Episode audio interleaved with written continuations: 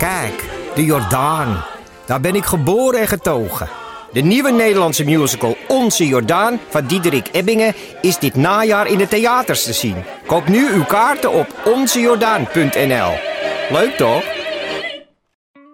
In de podcast Radio Romano met Noortje Veldhuizen Met Marcel van Roosmalen. En met Roelof de Vries. brengen we alle drie elke week een zogenaamde signalering mee. Wat heb jij nou weer bij je? En aan het eind bepalen we wie de winnaar van de week is. Echt een angstcultuur aan het Lege worden. huls die je er bent? Ja, dat gaat eigenlijk altijd onvriendelijk. Luister nu naar Radio Romano bij Podimo. Via podimo.nl slash Radio Romano luister je 30 dagen gratis. Miek, Ja? het is s'avonds laat, maar vandaag was je naar school, toch? Ja? En wat moest je meenemen? Schoonmaakmiddelen. Ja, alle kinderen uit de klas van Wiek moesten schoonmaakmiddelen meenemen naar school. Want dat had in de nieuwsbrief gestaan. Vanwege corona was het schoonmaakbudget voor de grote paasschoonmaak op. En dus nam Wiek mee Een spriet. Ja, een spriets. En dat is ons eigen verzonnen woord voor een, eh, ja, zo'n plantenspuit met daar een beetje dreft en water in. Dus dat nam hij mee. En wat nog meer?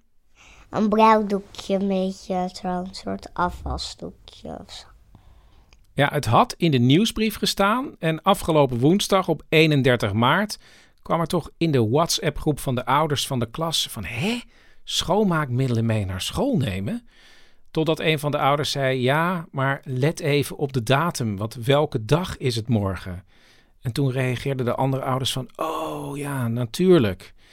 En een van hen, Jeroen, die kwam met een heel leuk klein verhaaltje. En toen dacht ik, ik bel hem even op om te vragen of hij dat verhaaltje aan mij wil vertellen. En dat heb ik gedaan. Ehm, ik zat in, in, de, in de derde klas op de Prinses Irene school bij juf Zelen. En juf Zelen was zo leuk. Ze was mooi en ze was warm en knap. En, en ze was, nou ja, ik wist zelf niet dat ik verliefd was. Maar mijn vader wist dat denk ik wel. En op een avond zegt hij tegen mij, juf Zelen heeft mij gebeld. En heeft gevraagd of jij morgen voor haar een banaan mee wil nemen naar school. Nou, eh, dat- was echt een enorme gebeurtenis. En ik voelde me helemaal warm worden. En, en de juf wil dat ik een banaan voor haar meeneem naar school. Hebben we wel een banaan? Enfin, eh, het werd heel onrustig daarvan. Nou, we hadden een banaan. En de volgende dag nam ik die banaan mee naar school. Maar het was zo onwerkelijk allemaal dat ik daar met die banaan in mijn tas zat voor juf Zelen. En ze liet helemaal niks merken ook nog. Dus het was allemaal heel eh, vreemd.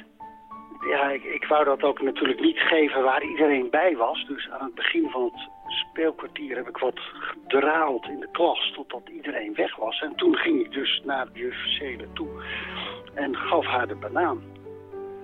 En ze zei van, eh dankjewel, Eh waarom? En ik vroeg van, maar u, u, u had toch mijn vader gebeld of ik een banaan voor u mee wilde nemen naar school? Maar nee dus. En ze zei van, nou ik denk dat je vader gewoon een grapje met je heeft willen maken. Nou, dat was 1 april 1969. En het heeft wel, denk ik, ja, tot wel halverwege de jaren 70 geduurd voordat ik weer een, maar, een, een, een gewoon gesprek met mijn vader kon voeren. Later is het wel helemaal weer goed gekomen hoor, tussen mij en mijn vader.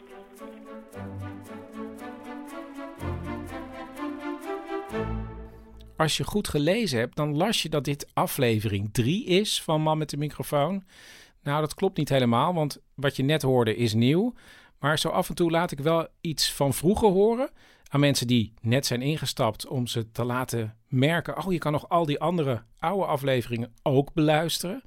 En soms ben ik met nieuwe afleveringen bezig die iets meer tijd vergen, of daar ben ik ergens naar op zoek. Eh, dus dan is het ook wel handig. En nu helemaal met 1 april dacht ik: oh, ik heb een aflevering ooit gemaakt die heette In de Maling.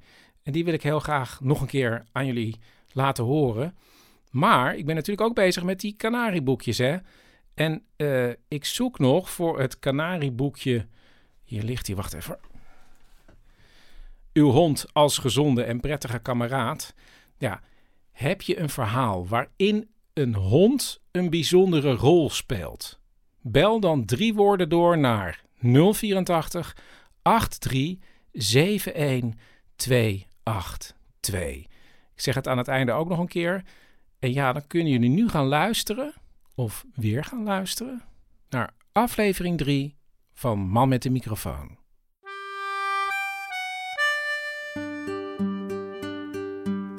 Dit is Man met de microfoon. Met echte en bijna echte verhalen uit een stadswijk. En ik ben Chris Baayema. Ik ben intuïtie, zei er is iets niet in orde. Ja? En dan kwam hij na twee, drie uur kwam hij terug en dan zei hij, Karel Henk, ik heb echt mijn best gedaan. Maar het is, niemand heeft het. Ik kan ook niet thuis blijven. Maar moet ik elke dag thuis? En wat het nou precies is, dat ben ik tot op de dag van vandaag nog aan het uitzoeken. Ja, dat is de man die alles ziet en je straft als je iets fout doet.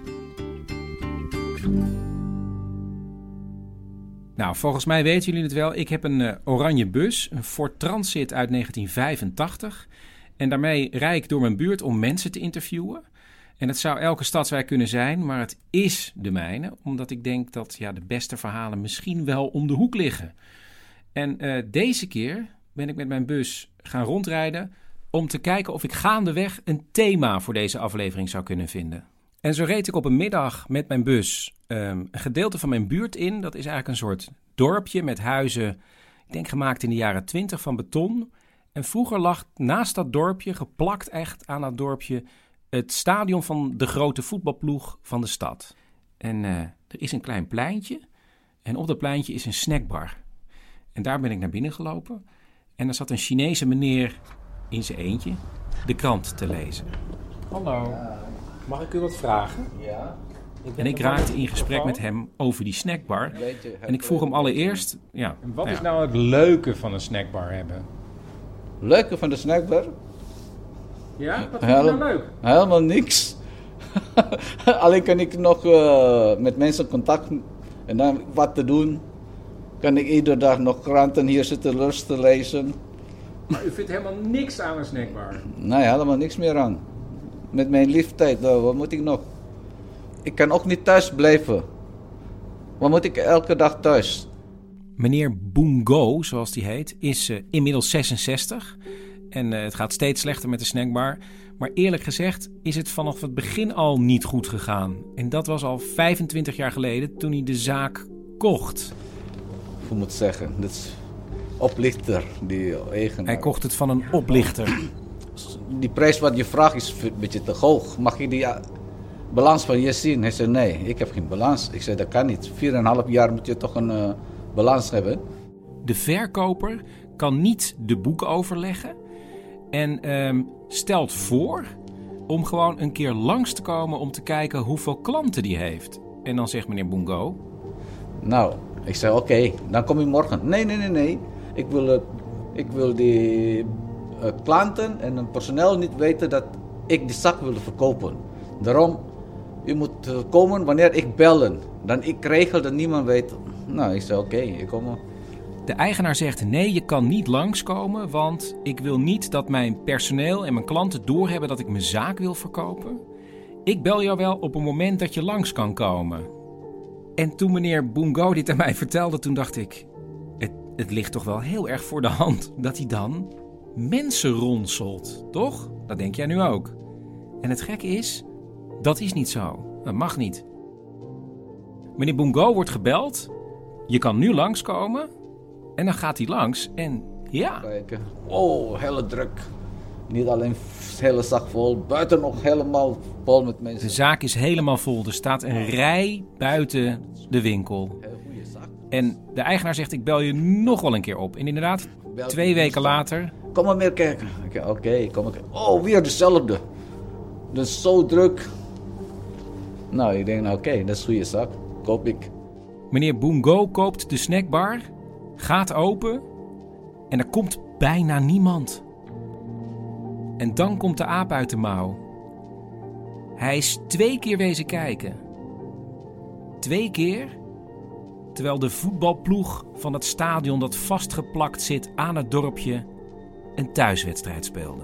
Ja, dan iedereen gaat daarachter of hier parkeren, kom maar hier eten, want daar bij de uh, stadion is het hele duur, eh, alles is duur daar. Alleen hier goedkoper. Dan iedereen komt hier eten en dan gaan naar voetbal kijken. Daarna komen ze terug, komen weer eten en dan gaan weg. dan ik trap het, is wel, het is wel een klassiek oplichtersverhaal. Het is wel een mooi verhaal op zich. Verhaal. ik trap in, nou ja, maar kan niks te doen, maar uh, ja. Een klassiek oplichtersverhaal. En daarmee heb ik wel het thema van deze aflevering gevonden, namelijk in de maling. Over mensen die belazerd worden of zelf iemand ertussen nemen. En zoals iedere keer heb ik naast de echte verhalen ook de bijna echte verhalen. En die scènes worden geschreven en die neem ik op met acteurs, ook gewoon bij mij in de buurt. Zoals deze.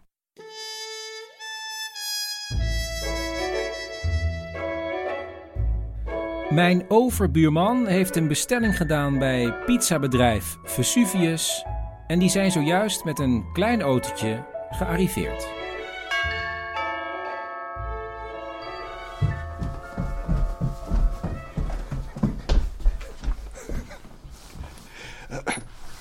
Goedenavond. Goedenavond. Vesuvius.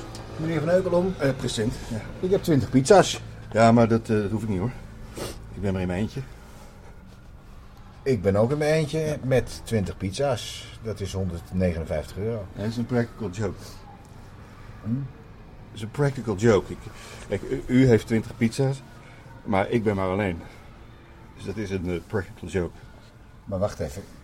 U heeft toch 20 pizza's besteld? Ja, dat klopt. Maar ik ben maar alleen, hè. Dus ja. ik, ik kan natuurlijk nog 20 pizza's op. Dat gaat hem niet worden. Dus dat wordt linea recta terug naar Vesuvius. Dit is een practical ja, ja, ja, kijk, daar heb je hem. Valt het kwartje. Sorry, het is kostelijk toch? Nou, de grap is dat ik 20 pizza's bezorg bij iemand die ze niet besteld heeft. Maar ik ben maar alleen, hè? Ja, maar u had ze bij iemand anders moeten laten bezorgen. Dan was het een practical joke geweest. Oh. Maar even. Ik, maar ik denk... Ik ken niemand die 20 pizza's nodig heeft. Ik wil graag even afrekenen. 159 euro alsjeblieft. Dat is een dure grap. Uh, kan, kan ik pinnen? Zeker.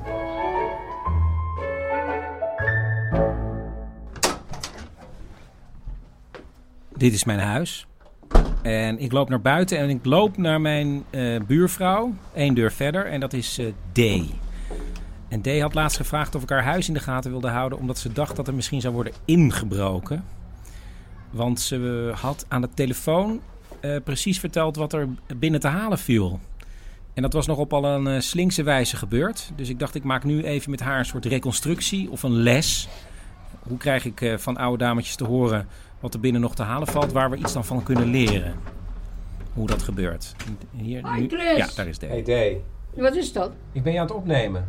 Oh. Voor de radio. Oh ja? Ja. Zo, alsjeblieft. Maar mag ik even binnenkomen? Ja, toch, tuurlijk. Van, vanzelf. Nou, we gaan zo aan de reconstructie beginnen. Maar ik was vergeten bij deze opname om te vragen hoe oud ze was. Dus dat heb ik even nog los later opgenomen. D, ik ben nog heel even terug. Ja? Alleen maar om te vragen hoe oud je bent. Mag je rijden? Ja, 56? 65. Nee hoor, 82. Goed, terug naar de les. Hoe krijg ik van oude dametjes te horen of er binnen nog wat te halen valt? Um, ja, en D had achteraf, had ze het wel door. Ik ben intuïtie, Sammy. Er is iets niet in orde. Ja? Toen heb ik meteen de politie gebeld. Maar ja, zo is D. Voor hetzelfde geld hebben ze niks door. Goed, wat moet je doen? Je belt in dit geval D op en dan zeg je dat je van het gemeentelijk energiebedrijf bent. Oh, zeg ik. Ja, we hebben doorgekregen dat er bij u een gaslek is. Een gaslek. Oh. Ja, mevrouw, en het is namelijk zo. Um, als er een, een uh, ramp ontstaat daardoor, dan betaalt de gemeente dat.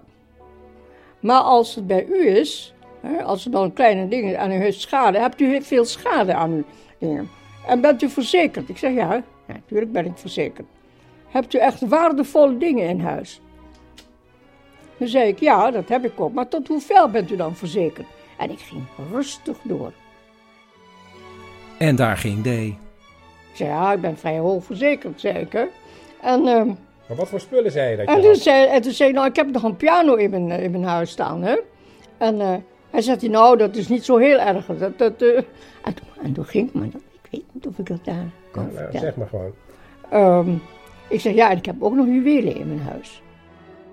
Kijk, en nu weet je genoeg. En dan is het alleen nog even zaak om op een inventieve manier het telefoongesprek af te sluiten. Toen zei hij van, ach mevrouw, wilt u de warmwaterkraan even opendraaien? Nou, en uh, toen zegt, hebt u dat gedaan? Toen zeg ik, ja. Oh ja, nou, er is er niks aan de hand. Hij hing op en uh, daarna heb ik nooit meer wat gehoord. Nooit meer. D heeft nog wel de politie gebeld. Die zei dat ze erin gelopen was. En alle waardevolle spullen? En, uh, want ik heb het ook niet in huis hoor, nou, momenteel hoor. ja, begrijp je? nou, dat was het verhaal.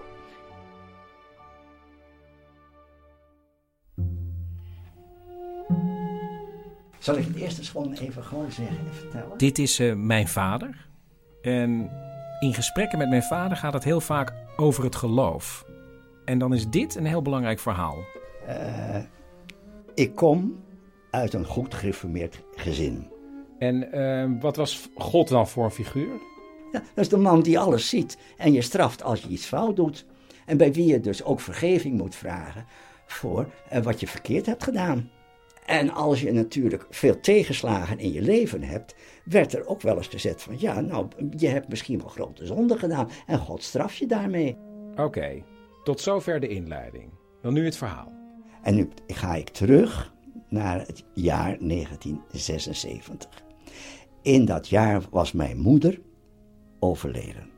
En een paar weken na het overlijden van mijn moeder ben ik met mijn vader, om hem te entertainen, naar een lezing gegaan van professor Kuitert. Dan moet ik erbij vertellen, professor Kuitert was hoogleraar theologie geweest op de Vrije Universiteit. En op de Vrije Universiteit werden de predikanten voor de gereformeerde kerk opgeleid. Op die lezing die hij hield, vertelde hij ook over allerlei nieuwe ontwikkelingen in de theologie. Dat uh, wat er in de Bijbel staat, dat je dat niet altijd zo verschrikkelijk letterlijk moet nemen. En wat is dan volgens jou de kern van uh, Kuitert? Het allermooiste wat Kuitert heeft gezegd. Alles wat wij over boven weten en zeggen, is beneden bedacht. Dus eigenlijk, God bestaat niet. En je zou dan ook wel kunnen zeggen, God bestaat niet. Maar ja, je mag wel zeggen dat God bestaat, maar dat bedenken we dan op de aarde. Oké, terug naar de lezing. Hij heeft dus die, avond die lezing gehouden. En toen eh, kwam de pauze. En na de pauze kon je vragen stellen. En een van de vragenstelsters zei: Professor, ik heb met grote belangstelling naar uw verhaal geluisterd. Maar ik vraag mij nu af, waarom hebben wij dat niet van onze predikanten gehoord? Ja, zegt hij. Ja, maar ik heb het ze op college wel verteld. Toen zijn we naar huis gegaan. En toen bracht ik mijn vader thuis. En toen zei ik thuis nog even tegen hem: Hoe vond je het nou vanavond? En toen zei mijn vader toch wel wat verbitterd en teleurgesteld. Ze wisten het wel, die dominees, vroeger, maar ze hebben ons belazerd. En dat vind ik tot op de dag van vandaag nog altijd verschrikkelijk triest voor mijn vader.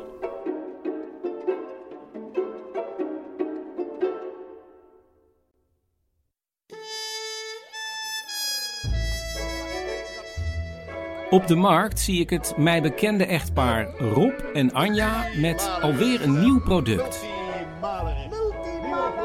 De multi-maler. Klik, klak, ritsrats. Eenvoudig en lekker. De. Hallo. U heeft een, uh, een uh, product. Ja, we hebben een, uh, we hebben een nieuw product. Ja, de multimaler. Hé, hey, daar ben je weer. Hallo. de multimaler. En wat is een multimaler? Kan echt alles in. Multi betekent alles. Het is gewoon internationaal woord. Voor alles kan alles in. De multimaler. Bijvoorbeeld uh, smoothie. Uh, je doet er een peer in en frambozen. En je hebt een peer, frambozen, smoothie. Klik, klak. Ritrats. Hallo. Eenvoudig en lekker. Biologisch. En is dit uw eigen uitvinding? Nou, uh, uh, we hebben in ieder geval de rechten. Hebben we de naam bedacht? Uh, er staat een R'tje achter in zo'n rondje. En uh, dat, is, dat is dus een trademark. Een echt merk, hè? Klik, klak. En het is internationaal. En uh, nou ja, dit is nog maar het begin, meneer. ja, klik, klak, ritsrat. Wie wil het proberen, dames en heren? Hey, maar, oh, wacht, maar, als het een, maar dan is het toch internationaal niet zo handig ja? als het multimaler heet? Multi betekent alles? Nee, maar in het Engels is het toch... betekent multimailer is toch helemaal niks? Het is mailer, het is een maler. Maler. maler. Multimaler. Maler, maler. Ja, maar, ja, nee, maar maler in het Duits is schilder. Dus je zou eerder denken multimixer of zoiets. Het is maar gewoon een nametje. Coca-Cola betekent er ook helemaal niks. Ja, maar Coca-Cola is volgens mij van de... Dat is van de cola-noot. En de coca-plant. Ik, ik, ik, gewoon bij wijze van spreken, ja? Smoothie! Dat kost maar zo'n R'tje. 10.000 euro. We hebben dus wel een tweede hypotheek uh, moeten nemen. En een behoorlijke tweede Mevrouw, wat is de kern van het geheel? Dat zijn deze vlijmscherpe, contra-roterende mesjes. Oh, god, nou gaat het ook nog mis. En dit is zichzelf in de maling. Nu even niet, Anja. Uh, oh jezus, allemaal bloed. Ik kan er heel... Oh. Wat moet ik doen, Rob? Wat moet ik doen, Rob? Oh, gooi er nog maar wat peer in.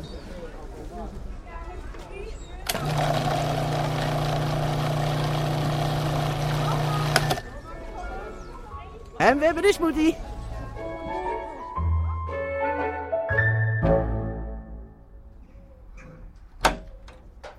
Dit is uh, bij mijn Hallo. buurman Karel. Heb je even tijd? Ja. Karel die was jarenlang samen met zijn broer eigenaar van een legendarisch café in het centrum. La Bastille. En daar hadden ze allemaal eigen tradities. En dat was de gewoonte, als er een uh, personeelslid aangenomen werd, dan moest hij even door de mangel. Dan werd hij even in de zijk genomen. En dan zeiden we altijd, uh, Jan-Piet Klaas, Gerry, uh, haal jij even bij een collega van de Beurties of Biblos of Le Berry een fles suikervrije jenever. Want we hebben niet meer in het magazijn staan. En die jongen wilde natuurlijk gelijk een goede beurt maken bij zijn nieuwe baas. Dus die ging op pad. En dan hadden we een afspraak met al die zaken dat we wisten dat er weer zo'n nieuw lid langs zou komen. En natuurlijk had geen één café, die had net niet de suikervrije jenever in huis. Dus toen werd hij weer van La Berry werd hij weer naar de Biblos gestuurd. En van de Biblos ging hij weer naar de Beatles. En van de Beatles naar uh, de Loase. En dan kwam hij na twee, drie uur kwam hij terug. En dan zei hij, Karel Henk, ik heb echt mijn best gedaan. Maar het is, niemand heeft het. En dan moesten we kenbaar maken dat hij was ontgroend. Stelde niks voor en we vonden het toch heel belangrijk.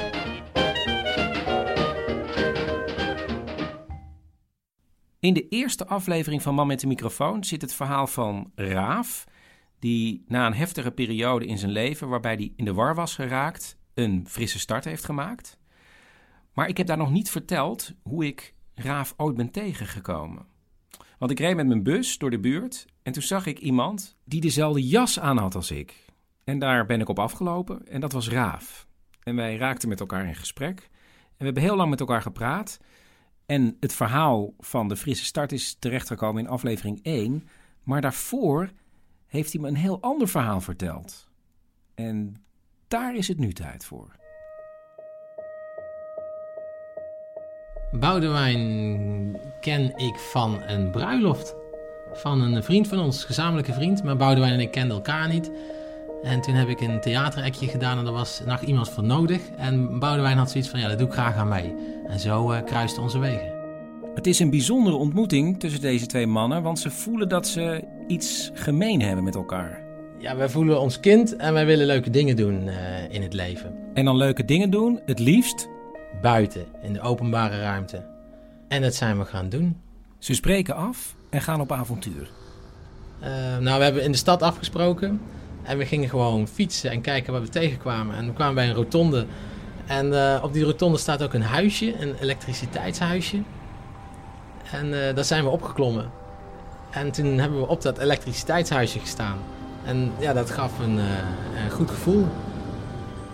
Ja. Het vrije spelen in de openbare ruimte. Dat hebben ze ontdekt. Maar er was nog iets belangrijks. Volgens mij heeft Boudewijn een fascinatie voor, voor apparaten. Hij heeft het altijd over units. Ik weet eigenlijk niet eens wat die unit is. Maar hij heeft het altijd over units. Ja, dan bouw ik een unit. Dus ik dacht, ik ben wel heel benieuwd wat je nou eigenlijk maakt. En we gingen verder praten over, nou, wat gaan we nou doen? En toen besloten we te combineren. Het, het vrije buiten zijn en het bouwen van units. En dat is eigenlijk de basis van, van alles kan. Uh, alles kan, dat zijn schijnactiviteiten in de openbare ruimte.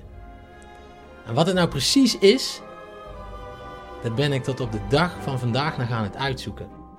Dit is dus eigenlijk een kleine geschiedenis van alles kan. Waarbij moet worden opgemerkt dat Boudewijn niet mee wil doen omdat hij een bedrijfje heeft en hij niet wil dat zijn klanten weten dat hij bij alles kan betrokken is. Maar goed, deze geschiedenis is nog maar net begonnen. En Boudewijn en Raaf zijn op zoek naar wat ze eigenlijk willen. We zoeken naar een rol die legitimeert dat je overal kan staan. Want het eerste wat wij zijn gaan doen, uh, landmeters. Ze besluiten het land te gaan meten op een van de drukste plekken in de stad. Ze kopen professionele werkmanskleding en ze bouwen ieder hun eigen unit. Van een oude filmcamera heb ik wat dingen aangemaakt. En die heb ik ook industrieel grijs-groen gespoten. En ja, dat kon in mijn ogen prima door als landmeetapparatuur. en Boudewijn die had iets, uh, het leek wel of het ook nog signalen van, van buiten de aarde kon opvangen. En het was een zwart apparaat, wat, ja, ik kon het helemaal niet, niet plaatsen. En, en wat dit apparaat zou kunnen doen, geen idee. Ze gaan met hun spullen de stad in en beginnen. Ja, het was toen ook nog een beetje gewoon uh, de rebel zijn. Want ja, als ik op de trambaan ga staan, dan kan niemand er meer door. Dus dat vond ik ook heel spannend. Want er kwam een tram aan en die stopte. Want ik had mijn, uh, die stopte al voordat ik mijn spullen had staan. Dus ik, liep op, ik was op weg naar die plek. En ik was alleen maar mijn statief aan het uitstallen. En die tram die stopte. En die gaf ons gewoon de ruimte. En achter die tram stopte nog een tram. En volgens mij daarna nog een tram. Dus het was gewoon spannend. Um, maar ja, ik moest gewoon de, de klus afmaken. Dus, en een landmeter die beweegt nooit snel. Die jongens die doen alles gewoon eh, op routine en, en met rust. Dus ik dacht, ik moet vooral rustig zijn. En dus ik doe mijn meting. En uh, toen was eigenlijk het allermooiste moment. Uh, ik klapte drie poot in. En ik doe drie stappen opzij. En ik sta weer op de vluchtheuvel, waar ook het bushok is. En die trams die bleven staan. En pas toen ik het signaal maakte van rij maar weer verder, toen kwam de stoet in beweging. En toen hadden we zoiets van, dit is echt, hier doen we het voor.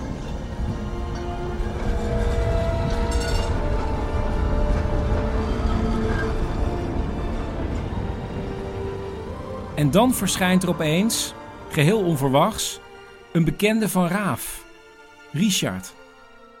En Richard zei: Hey Raaf, um, heb je een nieuwe job? Vertel.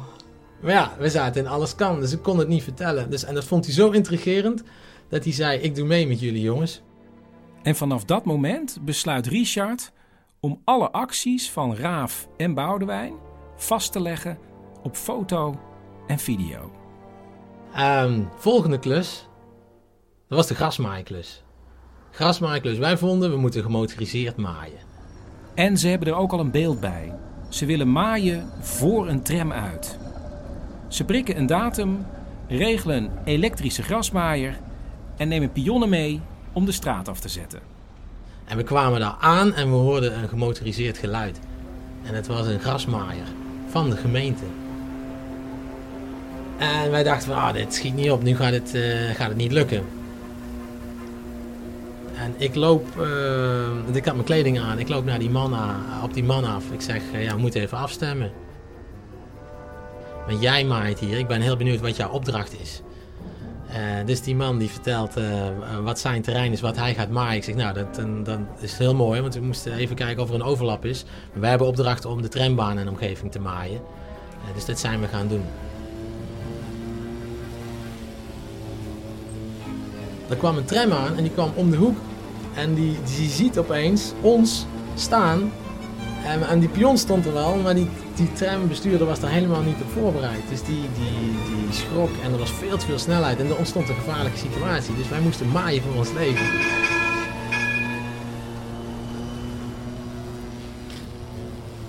Uh, het is goed gegaan.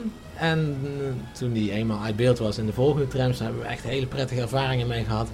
Want uh, als de trambestuurder je wel ziet, dan houdt hij er rekening mee. Want uh, jij maait zijn baan. Dus dat, dat, spreekt een uh, respect uit. Na de geslaagde grasmaaiactie raakt Alles Kan goed op dreef. In een van de volgende acties doen ze pulsmetingen voor een metrotunnel die wordt aangelegd. Ze kopen een bouwwerkerstent en zetten die ergens op een vluchtheuvel. In die tent hadden we uh, geluidsapparatuur. Waarbij, waardoor het leek alsof er op grote diepte apparaten aan het werk waren. Uh, en wij stonden daar en we hadden ook nog bakmeel. Dus we waren binnen voortdurend bezig met het gooien van, van bakmeel. En heel veel kabels en buizen. En die gingen ook de grond in. En we hadden aarde eromheen leggen. Maar er werd keihard gewerkt in die tent. Dat was duidelijk. Ook onderzoeken ze een keer de waterkwaliteit van parken en fonteinen in de stad. En we waren in een vijver. Die was niet veel dieper dan nou, 20 centimeter. En toch staat Boudewijn daar klaar in een duikerspak. Maar goed, het, iemand moest de klus doen. De hoofdslang, die het, al het water opzoog, die moest geplaatst worden door de duiker. Dus de duiker die stond daar.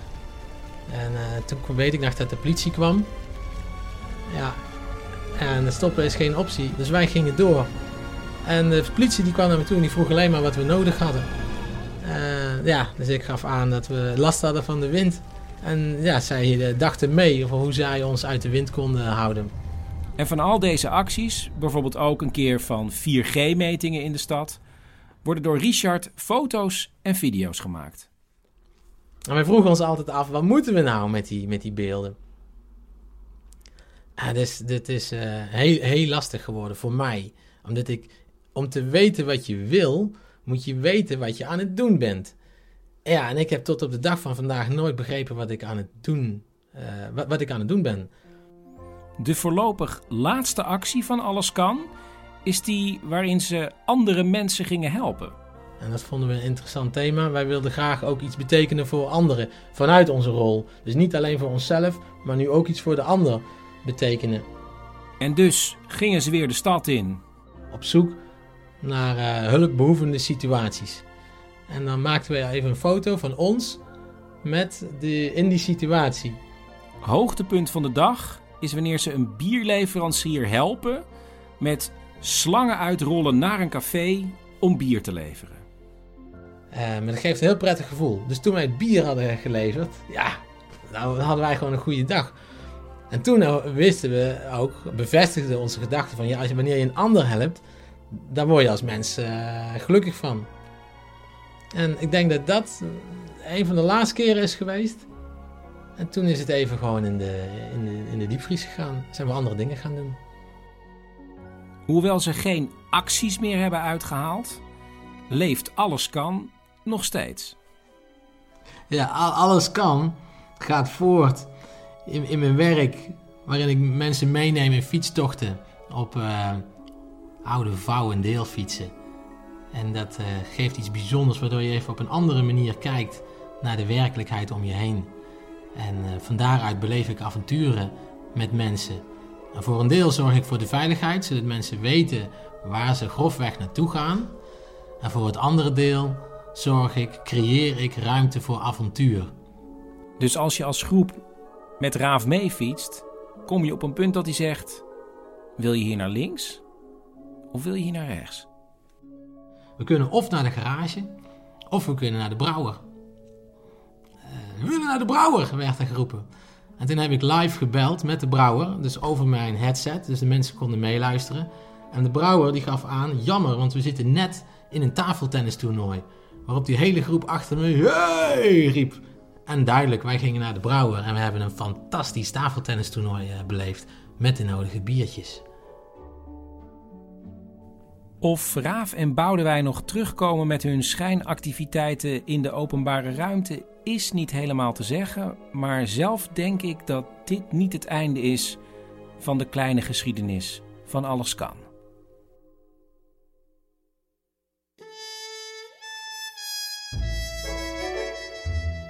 In de nieuwbouwwijk, aan de andere kant van de brug, heeft een moeder zojuist haar zoon opgebeld. Ja, hallo mam. Wat druk ik nou weer op? Ja, mam, hallo? Hé, hey, ben jij dat? Ben ja. Hè? Ja, ah. je, had, je had me gebeld, toch? Nee, maar, maar ik, ik heb toch niet op het groene knopje gedrukt? Nou, waarschijnlijk wel. Nou, dat lijkt me toch sterk, want ik dacht nog eerst het nummer intoetsen en dan op het groene knopje drukken. Ja, dat is normaal ook een goede volgorde, maar we zullen Ja. waarschijnlijk nooit achterkomen hoe het, eh, hoe het echt zit. Hè? Nee, nee. Ja, ik weet het niet. Nou ja, Nee. eh, waar ik voor belde, ik, Ja. eh, ik word natuurlijk 75, hè? Ja, ja, jubeljaar, ja. Ja, een jubeljaar. En eh nu hoorde ik van tante Jo dat Maurits Ja. voor haar een surprise party had georganiseerd. Oh. En nou wou ik even tegen jou zeggen, dat wil ik dus niet. Nee, nou, wees niet bang, mam, want dat doen we dus ook niet. Oh, gelukkig. Ja. Ja, ik, ik denk dat ik me dood zou schrikken. En, en eh, zo direct nodigen jullie nog allemaal mensen uit waar ik helemaal geen zin in heb. Nee, Zoals de. Ageet en, en, die oude buren. weet Ja, wel. nee, Dus dat dachten wij ook, dus we, we organiseren niks, hè? Eh, het is toch ook zomaar een moment, toch? Zo'n verjaardag? Ja, Dat precies, daarom. Ja, ja, Daarom. ja, ja, ja, ja. Zeker. Ja, nou. Je zou het wel zeggen, hè? Als je stiekem toch een surprise party zou geven, toch? Nou, dan, eh, dan, eh, dan zou het toch geen surprise party meer zijn? Toch? Hè? Dus eh, je echt geloven kun je me natuurlijk niet. Dus jullie gaan wel een surprise party organiseren, maar dat wil ik niet. Nee, man, dat doen we ook niet. Echt niet. Ja, ja. Ja, Nee. ja. We organiseren geen surprise party voor je, maar ik zou alleen maar willen zeggen dat als we wel een surprise party zouden organiseren, dan zouden we het natuurlijk niet kunnen vertellen aan jou. Hè? Want, Ja, maar, maar hoe weet ik dan of jullie een surprise party organiseren? Nou, eh, ja, kijk, eh, misschien eh, moet je 75 worden om uiteindelijk eens een keertje te accepteren dat je niet alles in het leven kunt weten van tevoren. Hè? Dat er soms ook mysteries zijn, dat sommige dingen een beetje onweetbaar zijn in het leven. Hè, man? Ik, ik ben vooral 75 geworden om me met dit soort dingen helemaal niet meer bezig te hoeven houden. En ik ben trouwens ook al helemaal niet lekker. Hm? Wat zei je? Ik ben helemaal niet lekker. Ook nog. Nee, het gaat ontzettend rond ook, ja. Ja, Ik wil dus geen surprise party, ook niet als verrassing. nee. Nou, ik eh, zal het opschrijven dat je geen surprise party wil, ook niet als verrassing. Ja? En als jullie het toch doen, dan zeg ik nu alvast, dat vind ik niet leuk. En dat ga ik het ook niet ter plekke doen alsof ik het leuk leuk vind. vindt. Nee, dat is helemaal goed, man. Ja? Prima. Oké, nou, dag lievertje. Ja, dag mam. Doeg. Dag, liefs. Jo, liefst, doeg. Oh my god. Schat! Mijn moeder wil geloof ik dat we een surprise party voor haar organiseren.